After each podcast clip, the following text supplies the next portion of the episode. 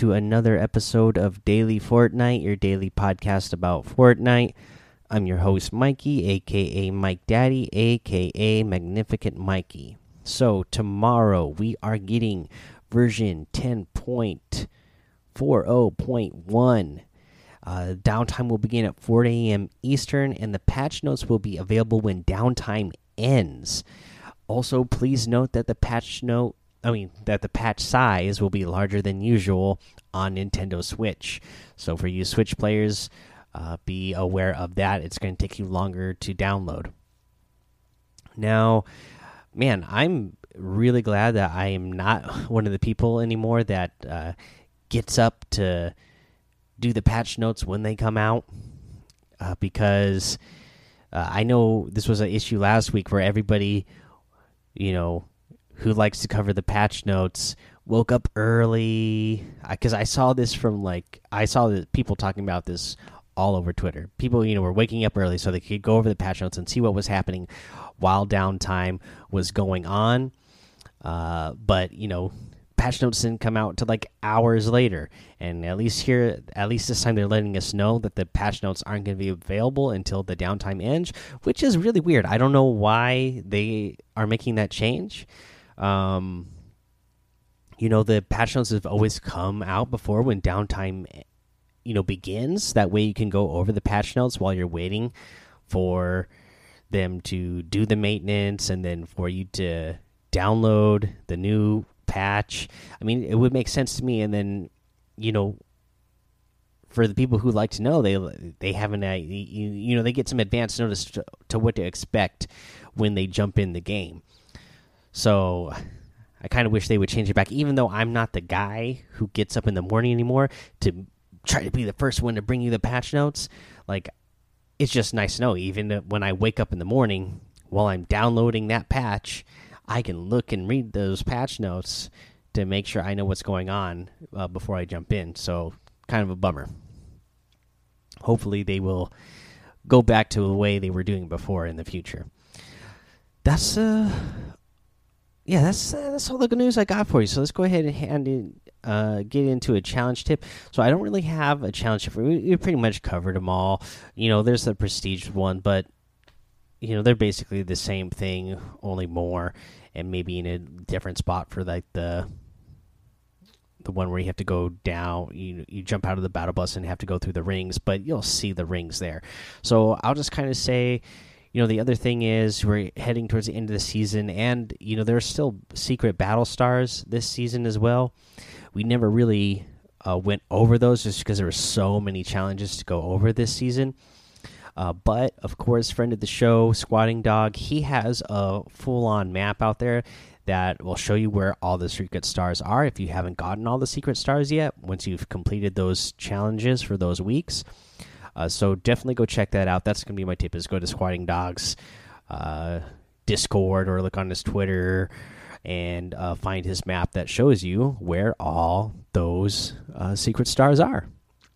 All right, guys, let's go ahead and take a little break. We'll come back. Uh, we'll go over the item shop and a tip of the day. All right, let's go over this item shop. And today we got new items again. This is the Siege Strike set. So the first up is Vice.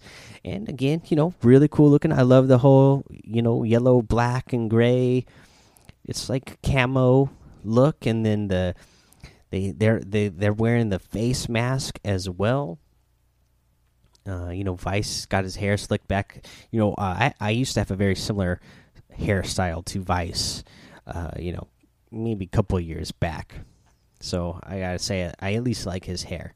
Uh, like that, uh, you know, he's got his tattoos. You know, it's a pretty decent looking outfit. Only 800 V bucks, so that's actually a pretty good deal for the outfits that look like this. You know, you also get uh, uh knockout outfit. Uh, it says precise. You know, still part of this uh, siege strike set. You get the snake pit outfit, fearless, and uh deadfall outfit, relentless.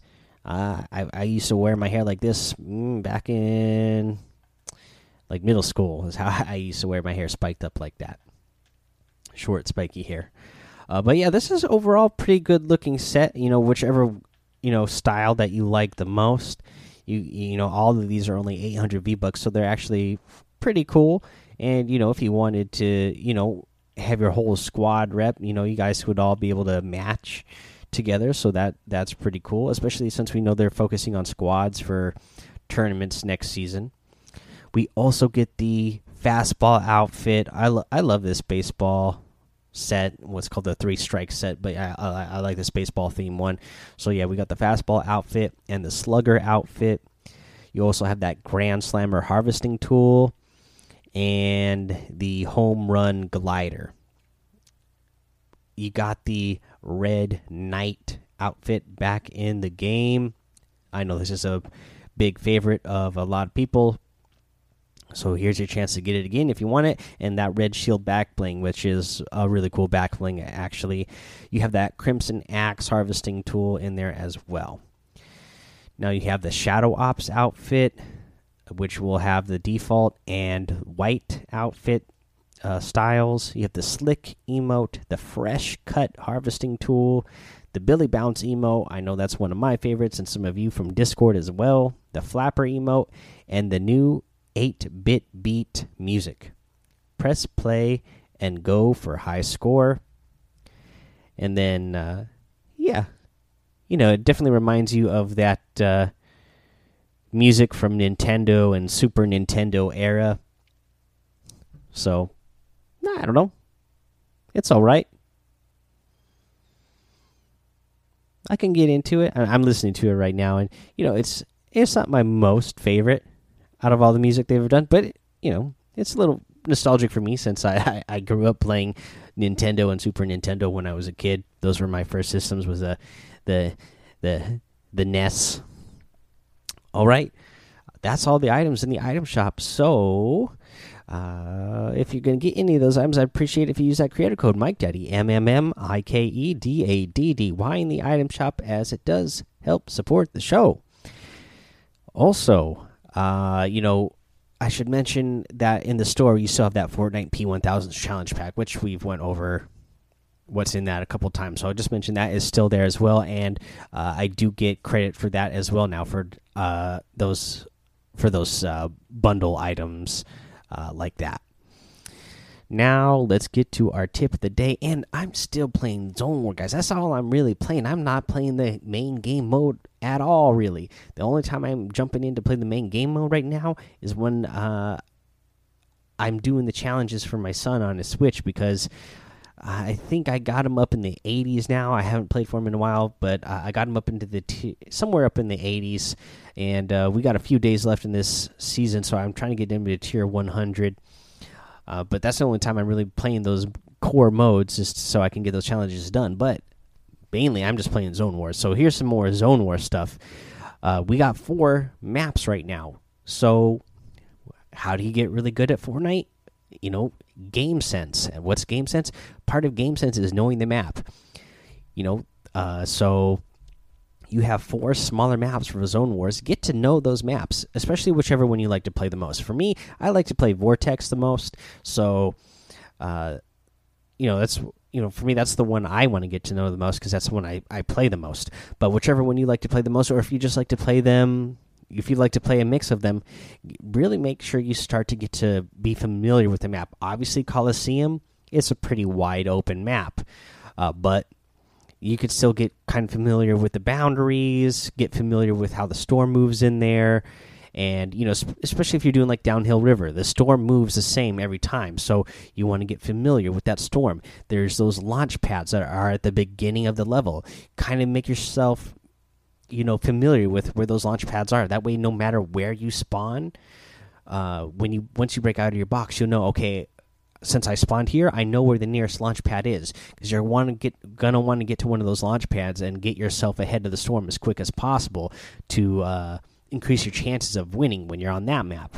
You know, for the desert storm or for the desert uh, zone wars map, you know, you're really gonna want to know the buildings because there's a bunch of buildings. Again, if you can move yourself quickly to the other end of the map where the storm is going to be going eventually, if you know the buildings really well, uh, you can you know set yourself up on top of the building, set yourself somewhere up inside. There's chests in those buildings, so you can you know figure out where those chests are. Just get to know those Zone Wars maps as best as you can, so that you will be putting yourself in a good situation to uh, win. Also because it's zone wars you know the storms move faster than in the normal game because you're starting out like it would be an end game. So you really want to know the map that way. When the storm starts moving you kind of already know like hey i know the storm's moving this. I know what to expect that's what's coming up in that direction. So is, is it going to be better for me?